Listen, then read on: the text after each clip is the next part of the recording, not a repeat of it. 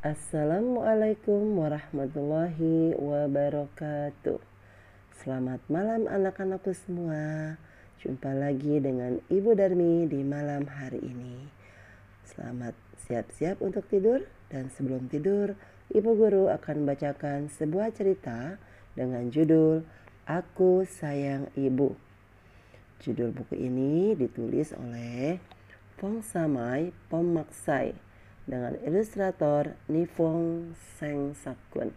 Kita simak ceritanya ya. Aku sayang ibu. Ibuku bernama Li. Ibu sibuk bekerja setiap hari. Ketika ibu memasak, aku pun belajar memasak. Ketika ibu menyiram bunga, aku pun ikut menyiram bunga.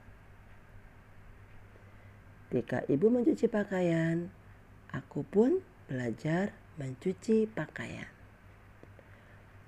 Dan ketika ibu menjemur pakaian, aku pun belajar menjemur pakaian. Ibu membelikanku sepeda. Ibu juga mengajari aku mengendarainya. Ibu tersenyum ketika aku berhasil.